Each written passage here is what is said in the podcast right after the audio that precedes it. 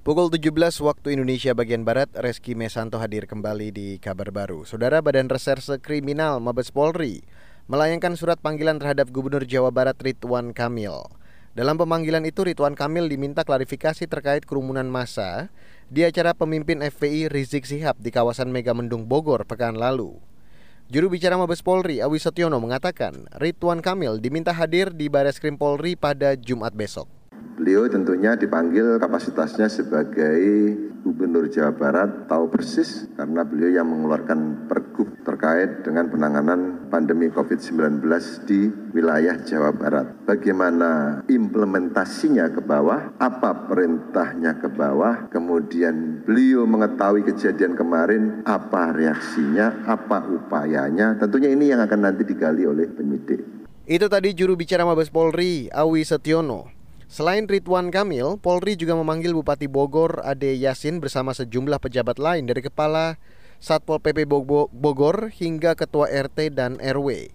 Pemanggilan itu dilakukan dalam rangkaian penyelidikan dugaan pelanggaran protokol kesehatan dan pelanggaran undang-undang kekarantinaan kesehatan yang dilakukan masa kelompok FPI.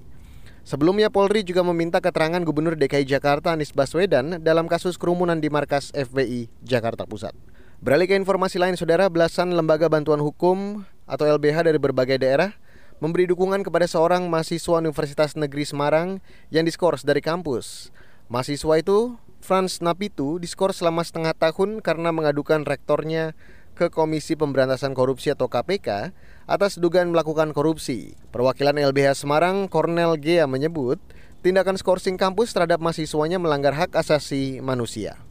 Kami YLBHI bersama dengan 17 YLBHI LBH kantor melalui pernyataan ini menyampaikan bahwa kami mengecam sikap anti demokrasi yang ditunjukkan oleh dekan Fakultas Hukum UNES. Skorsing kepada FN adalah bentuk kedangkalan berpikir yang berbahaya bagi demokrasi kampus.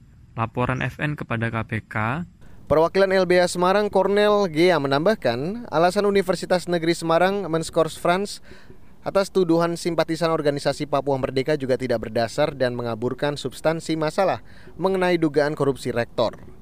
Belasan LBH yang memberikan dukungan pada Frans Napitu antara lain LBH Semarang, Jakarta, Medan, Makassar, Papua, dan LBH lain dari berbagai kota besar.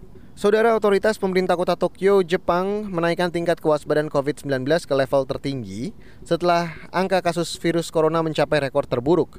Mengutip Reuters, dalam sehari terakhir terdapat tambahan 500 kasus baru positif COVID-19 dan merupakan penambahan tertinggi saat ini. Sedangkan secara nasional ada tambahan sebanyak 2.200 kasus baru dalam sehari terakhir. Kasus penularan ini memunculkan kekhawatiran mengingat Tokyo, Jepang sudah bersiap menjadi tuan rumah Olimpiade tahun depan. Otoritas pemerintah Tokyo bahkan khawatir penambahan kasus mencapai 1000 orang per hari. Secara total, kasus positif COVID-19 di Jepang mencapai 120-an ribu orang. Demikian kabar baru KBR, saya Reski Mesanto.